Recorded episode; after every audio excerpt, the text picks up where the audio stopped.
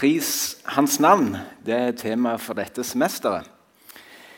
Og I Bibelen så åpenbarer Gud seg med ulike tilleggsnavn som sier noe om hans karakter, hans måte å være på, i ulike situasjoner i historie i Bibelen. Og Et av disse tilleggsnavnene som jeg skal fokusere på i dag, det er Herren, vår forsørger. Gud åpenbarer seg i historien som vår forsørger. Og selve teksten som dette ordet 'Javé, jeg er Herren din forsørger', hvor han åpenbarer seg som det, det er henta fra Første Mosebok 22, og den skal vi lese litt seinere. Vår bønn og vårt ønske er at når vi får se et større bilde av hvem Gud er, og hvordan han er. Ikke bare i historien, men i våre liv i dag og for framtida. Så er det vår bønn og vårt ønske at det skal vekkes en takk, en tilbedelse, en lovprisning. Ikke bare med høye armer og sterk sang, men med våre liv bli en lovsang til deg, vår Far. Så skal vi be. Herre, det er vår bønn. Følg oss med en takknemlighet og en glede over å ha deg, vår far, som vår forsørger. Du er den hellige, Herre og Gud. Du er opphøyd over alt og alle. Og i våre, våre liv skal vi få legge i dine hender, i tro og tillit til at du er vår forsørger, og at du er en god Gud, en god far. På dette grunnlag, Herre, og i Jesu navn, på ditt løfte, ber vi, tal til oss, Herre. Vis oss ved din ånd og ditt ord hvem du er. Innledningsvis vil jeg si litt om det å være foreldre og være forsørgere. Og ved det òg eh, være med å trekke noen paralleller til Gud, vår far, som vår forsørger. Hvis noen trenger oversettelse fra norsk til engelsk, så kan det gå bak der. If you need translation Good. Vi som foreldre vi er etter barnelovens paragraf 66 forplikta på å forsørge våre barn fram til de er myndige, 18 år. Og I det å forsørge så er det ganske praktisk konkret i forhold til mat, klær, bolig, utdanning og ikke minst gi den nødvendige omsorg og oppdragelse som trengs. Og Etter hvert som ungene vokser, både i alder og modenhet, så står det også i denne paragrafen at de skal få økt medbestemmelse. Og det er noen sånn alders eh, sånn, F.eks. 15 år osv., 16 og, og sånn, hvor de med økt alder og modenhet får økt medbestemmelse og ansvar. Og så vet vi at På 18-årsdagen, som mange av våre unger gleder seg til og ser fram til endelig fri, tenker de, endelig myndig og gjør som jeg vil, eh, så tenker de gjerne at de er voksne, og vi tenker gjerne at de var ikke så voksne likevel, og så modne som vi hadde håpet. Men per definisjon juridisk myndig og fri til å velge sjøl. Eh, og da har vi ikke lenger som foreldre en plikt til å forsørge våre barn. Eh, men mange velger jo og Dette kan være sånn tips til dere som har voksne unger. Voksne, myndige unger hjemme. Eh, noen tips til dere de som velger å bo hjemme. Jeg har lyst å oppmuntre til å snakke samtaler, gjøre gode avtaler med dem. Snakke om gjensidige forventninger. Eh, og gjøre avtaler som er forpliktende for veien videre. F.eks. si noe om ja, jeg vet du er myndig og du kan bestemme sjøl, men så lenge du bor i vårt hus, så er det disse ordningene, det er disse reglene, som gjelder i vårt hus. Og Jeg har hørt eksempel på og ungdommer som er 18 år og eldre, som frivillig sier jeg innordner meg inn eh, På en måte ja, innordner meg under mor og far og deres myndighet. Og veiledning og rettledning, selv om jeg er 18 år og myndig. Den syns jeg er ganske eh, bra å kunne snakke med de voksne ungdommene om. Det at de kan underlegge seg foreldrenes veiledning og myndighet selv om de er voksne. Og de kan velge det, eller de kan velge seg ut av det. Og måtte ta konsekvensen av det.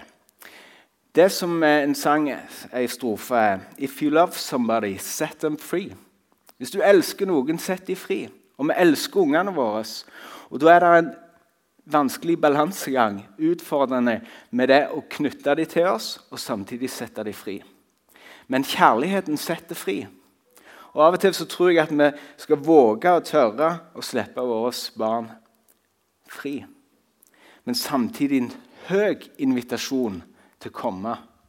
Til å bli tatt imot, elsket, tilgitt og møtt med en kjærlighet og veiledning og rettledning. Men du kan ikke tvinge noen, true noen, men du kan elske dem til deg.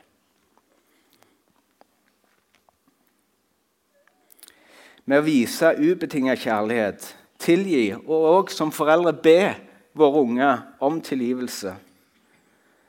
Være med å rettlede gi ansvar, så tror jeg vi er med og gir vår, våre barn og unge et stødig, trygt fundament å bygge livet på.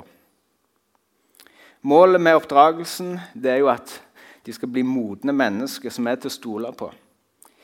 I relasjoner, i nære, næreste relasjoner, men òg i samfunn og arbeidsliv. Modne mennesker som er pliktoppfyllende i forhold til avtaler og gjøremål.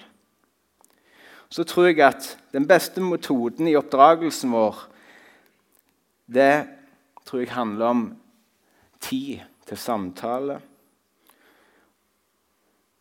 Tydelig veiledning.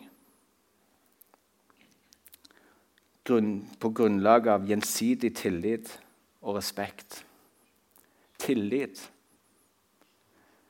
og respekt. Og at vi som foreldre må vinne oss den retten. Og vise respekt for våre unger og deres grenser. Men bygge opp en tillit som gjør at de lytter, og vi lytter til dem, og det blir et godt samspill.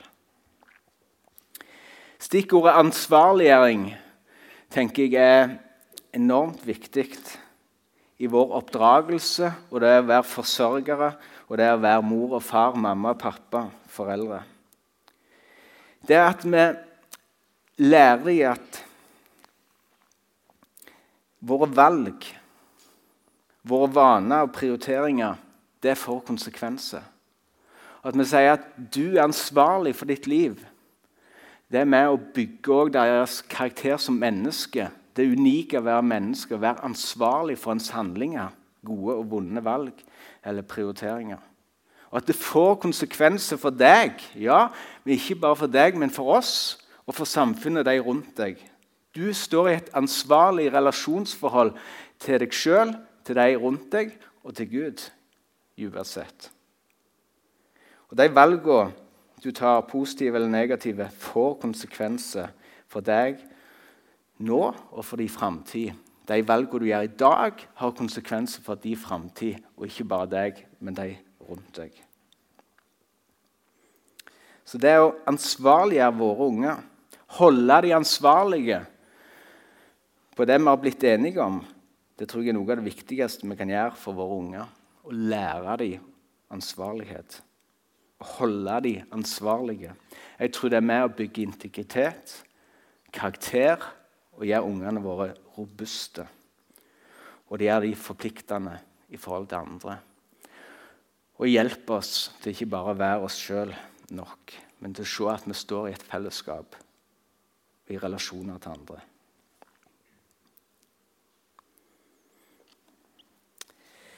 Jeg lærte på idrett grunnfag. Jeg tok det i Stavanger. Jeg er egentlig utdannet lærer. Men da var noe av kanskje det viktigste jeg lærte i pedagogikken, det var fokuser, snakk om og modeller det du ønsker ungen skal gjøre. Ikke det, du, det ikke det han ikke skal gjøre. En gang til. Fokuser, snakk om og modeller det du ønsker barnet skal gjøre ikke det en ikke skal gjøre. Og så da, til oss som foreldre. Som forsørgere og oppdragere, som mor og far, som mamma og pappa. Ikke parentes som barnets beste venn. Nei, du og jeg har en rolle som mor og far, oppdragere og forsørgere. Ikke bestevenner. Hva er det du og jeg modellerer? Hva er det våre liv viser? i vår livsførsel? Hva er det barna ser i vår, mitt liv, med tanke på hva som er viktig? Hva er det ungene ser i ditt liv? Og Du kan si så mange ord, tusen ord, fine ord, om hva som er viktig og mindre viktig og aller viktigst. Men livet ditt avslører hva som er viktigst for deg. Mitt liv, min livsførsel, modellerer og gjør at noen følger etter. Og hva er det jeg ønsker av spor som de skal gå i etter meg? Hva er min arv, det jeg gir etter mitt liv? Altså, hva bruker jeg tida mi på? Hva er det jeg bruker min energi på? Og La oss være så tøffe og tørre å snakke litt om f.eks. økonomi. Hvor lenge skal vi samle på konto? Hvor lenge skal vi samle i fond og aksjer? Når er nok nok? Hvor er taket? Hvor er grensa? Vi snakker om å sikre pensjon. Vi snakker om en solid arv til våre barn og kanskje barnebarn. Vi snakker om økonomisk buffer, og det er vel og fornuftig og bra. Jeg sier ikke det. Men når er bufferen stor nok? Kanskje vi skal ta et valg på å si her er taket, her er bufferen stor nok? Vi søker økonomisk frihet, men kanskje har vi aldri vært mer bonde enn vi er i dag. Bare litt til. Bare litt til. Begjæret i oss får aldri nok. Modellerer du og jeg som foreldre, besteforeldre, en identitet og en trygghet i penger og materielle ting? Hvem sier vi da at vi djupest sett stoler på? Gud eller forsikringsselskapet? Og som Bibelen sier ganske tøft Gud eller mammon? Det fins en bedre vei, tror jeg. Og Den veien tror jeg går gjennom den teksten vi nå skal lese i 1. Mosebok 22, hvor Herren åpenbarer seg som Jave 'Jeg er Herren, din forsørger'. Og Det er historien om eh, Abraham som får beskjed fra Gud om å ofre sin sønn Isak. Og Det er en historie som, eh, som berører, og som gjør kanskje vondt. Fordi det skurrer eh, kanskje med vårt gudsbilde om Gud som far. Og vi forstår det ikke. Um, og Derfor vil jeg òg med ydmykhet måte tas inn i denne teksten og, og med ydmykhet dele disse tankene som jeg har knytta til dette, og be om at du um, tar det opp i beste mening. Um, for jeg tror at det i denne teksten en vei til frihet. Det å erfare Gud som vår forsørger. Jeg skal lese teksten, og så skal jeg si litt mer etterpå. Overskriften er 'Gud setter Abraham på prøve'. En tid etter at dette hadde hendt, satte Gud Abraham på prøve, og han sa til ham, 'Abraham.' Abraham svarte, 'Ja, her er jeg.' Da sa han, 'Ta din sønn, den eneste, Isak, han du elsker, og dra til landet Moria. Der skal du ofre ham som brennoffer på et av fjellene. Jeg skal fortelle deg hvilket. Og Abraham sto tidlig opp neste morgen, lesset på eselet sitt og tok med seg to av tjenesteguttene sine og Isak sønnen sin. Han kløvde ved til brennofferet, og så ga han seg på vei til dette stedet Gud hadde sagt ham. Den tredje dagen så Abraham opp og fikk øye på stedet i det fjerne. Da sa Abraham til tjenesteguttene.: Slå dere til her med eselet. Jeg og gutten vil gå bort dit og tilbe. Og så kommer vi tilbake til dere. Abraham tok offerveden og la den på Isak, sønnen sin. Selv tok han ilden og kniven i hånden, og så gikk de sammen, de to. Da sa Isak til sin far Abraham, 'Du far.' Og han svarte, 'Ja, sønnen min.' Han sa, 'Her er ilden, og her er veden, men hvor er brennofferlammet?' Abraham svarte, 'Gud vil selv se seg ut brennofferlam, sønnen min.' Og så gikk de sammen, de to. Da de kom til dette stedet Gud hadde sagt, bygde Abraham et alter og la veden til rette. Så bandt han Isak, sønnen sin, og la han på alteret, oppå veden. Og Abraham rakte ut hånden og tok kniven for å slakte sønnen sin. Men Herrens engel ropte til ham fra himmelen og sa, 'Abraham, Abraham.' Og han svarte, 'Ja, her er jeg.' Han sa, 'Legg ikke hånd på gutten, og gjør han ikke noe.' 'For nå vet jeg at du frykter Gud.'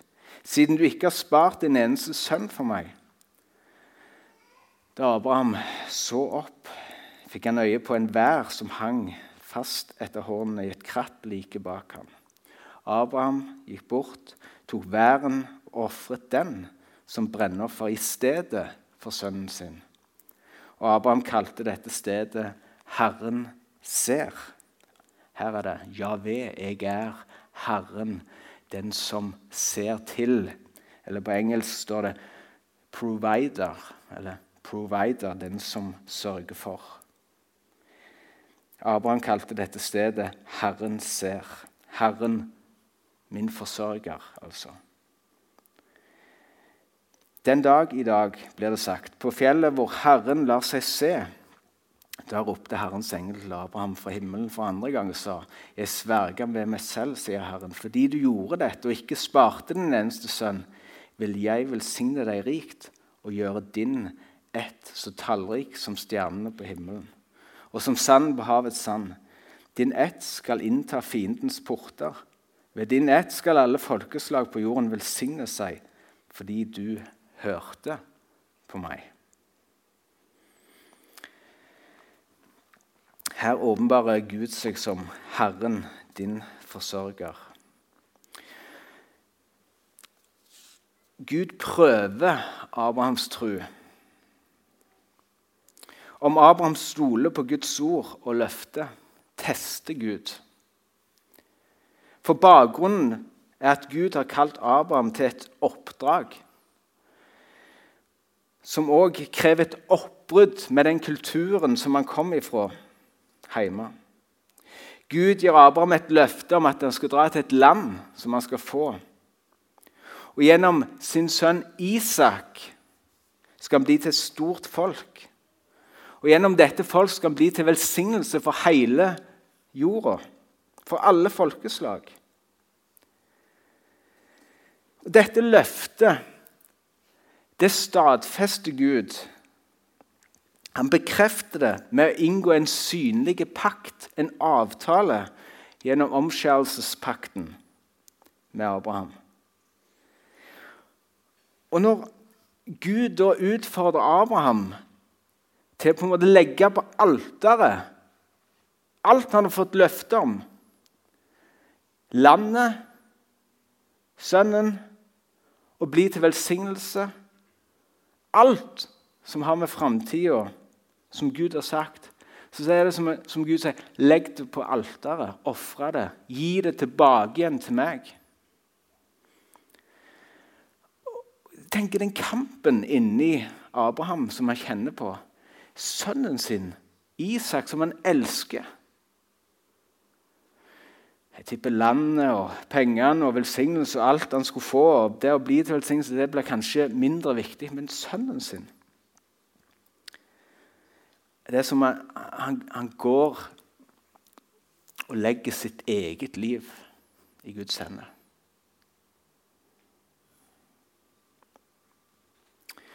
Og Det er dette løftet, det er pakten han holder oppe når han går. Han går i tru, han går i tillit, han stoler på Guds ord, løftet og pakten. Og Hebreerbrevs forfatter sier til meg at han trodde at Gud var mektig til å reise Isak opp igjen for de døde.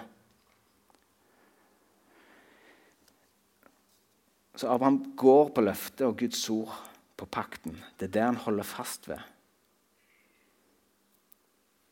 Han stoler på Gud. Og det er jo nettopp i dette, når vi ser at Gud tilbereder eller legger til rette for, forsørger og gir et offerlam i plassen for Isak, at Gud åpenbarer seg, ser til og åpenbarer seg som 'Jeg er Herren, din forsørger'. Gud vil gi, Gud vil forsørge og tilse det Abraham trengte.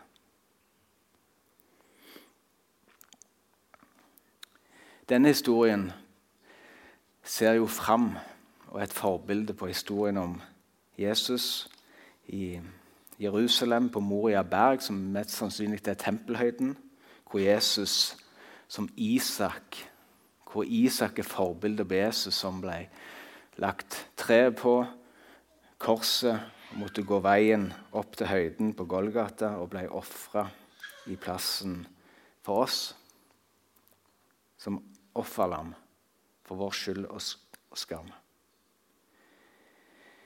Og i Jesus Kristus har Gud gitt oss det vi trenger for liv, for død og for evighet. I Kristus har Gud tilberedt alt vi trenger. I ham, sier Bibelen. Ja, Jesus sjøl åpenbarer seg og sier 'Ja, ved jeg er' om seg sjøl. Han er Herren, han er Gud. Han er din og min forsørger.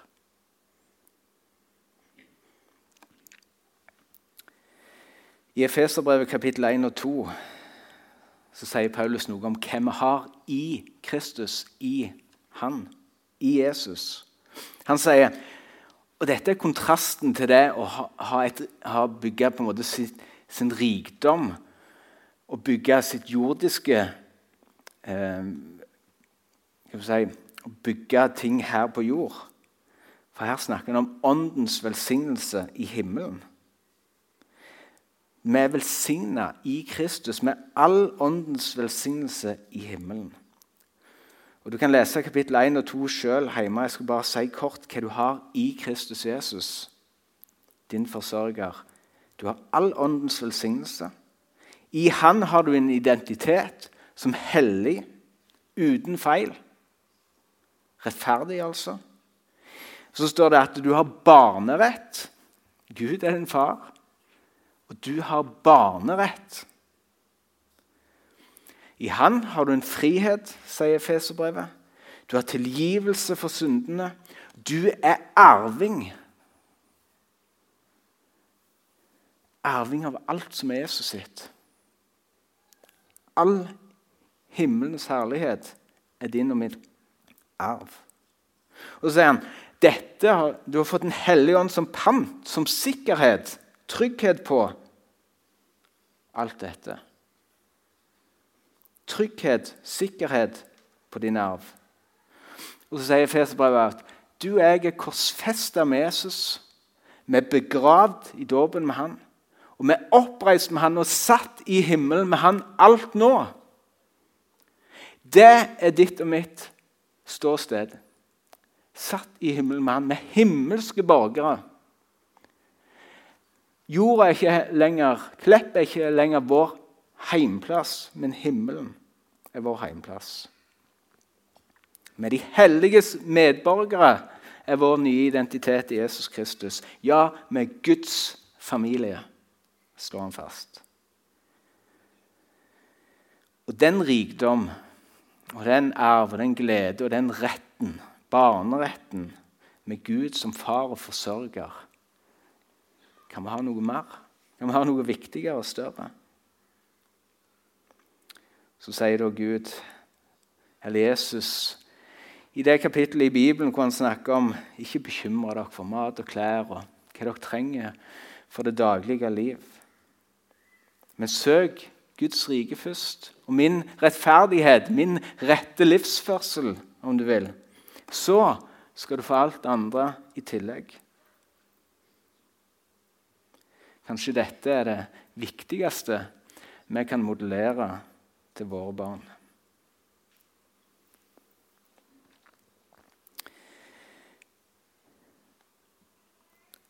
Våger du, våger jeg, å oppgi eiendomsretten? Våger du og jeg å legge alt på alteret for Gud? Alt jeg eier, har, av ting, men òg mitt liv. Ja, hva med òg å våge å legge vår egen familie og unger? Og Da kan det føles som et offer, men jeg tror det er kanskje den største vei til frihet. Å få legge, og Da vil jeg heller bruke bildet.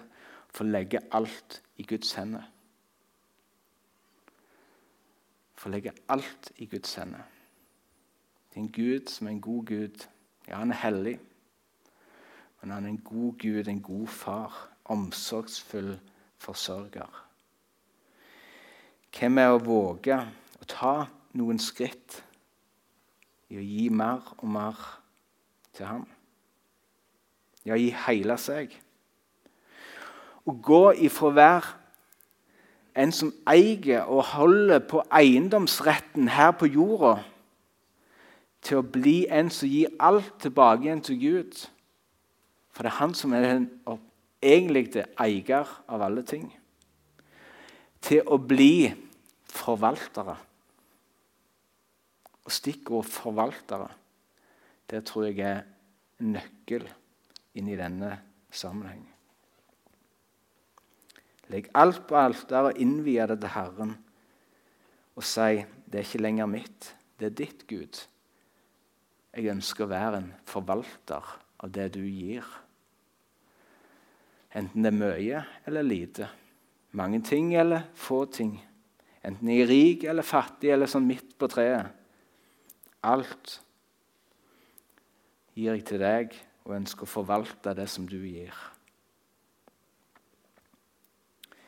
I Efeserbrevet Nå skal jeg snart avslutte, men avslutte i Efeserbrevet Nei, unnskyld, eh, Filippane, kapittel 4 og vers 12 sier Paulus noe som jeg tror kan være en nøkkel. Han sier, 'Jeg vet, jeg vet hva det er å ha det trangt.' Og jeg vet hva det er å ha overflod. I alt og i alle ting er jeg helliget, eller innviet, står det her. I å være mett og sulten, og har overflod og lite nød. Alt makter jeg i Han som gjør meg sterk. Så her er ikke spørsmål om du har mye eller lite, men hvor hjertet ditt er, og hva det er innviet til, det du har. Hvem som er herre over alle ting og deg. Og Jeg tror nøkkelen til frihet, det er min erfaring, er få gi alt over i Guds hender. Legge det i positiv forstand på Guds alter. Jeg opplevde eh, når jeg var far Jeg hadde små gutter. og meg og Line eh, Så kjente jeg på dette. En enorm kamp og en frykt som bandt meg. Tenk hvis, tenk hvis jeg skulle miste Line, f.eks. Som kone og som, som mor for ungene. Eh, hvem er ungene når de vokser til og tar sånne valg og sånn? Hva med bekymringer for hvordan det skal gå med dem? Og så spant jeg og bandt meg så enormt til og kjente på en sånn frykt og bekymring for hvordan skal det gå med dem. Hvordan skal det gå? Jeg så på samfunnet rundt og alt som måte, kunne ta gleden og, og, og livsgnisten ifra meg. Så var det som om Gud kalte på meg og ropte på meg til, til å gå den veien, da. Litt som, som, som Abraham gjorde med Isak. Og Det var som om Gud Det var en smerte. Eh, sier Er du villig til å gi kona di, ungene dine, ditt eget liv? Hus, bil, båt, hytte. Alle ting på mitt alter. Og gi det tilbake igjen til meg. Jeg husker at det var det føltes fysisk nesten som jeg skulle sjøl bli korsfesta.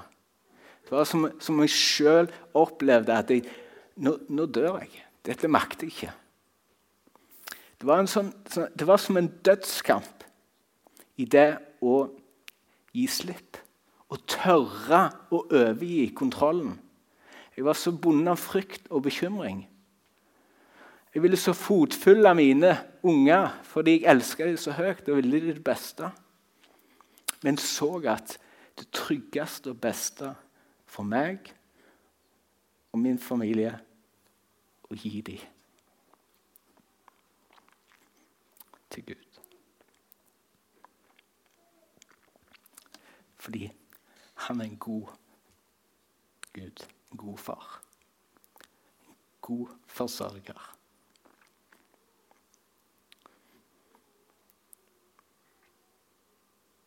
Amen.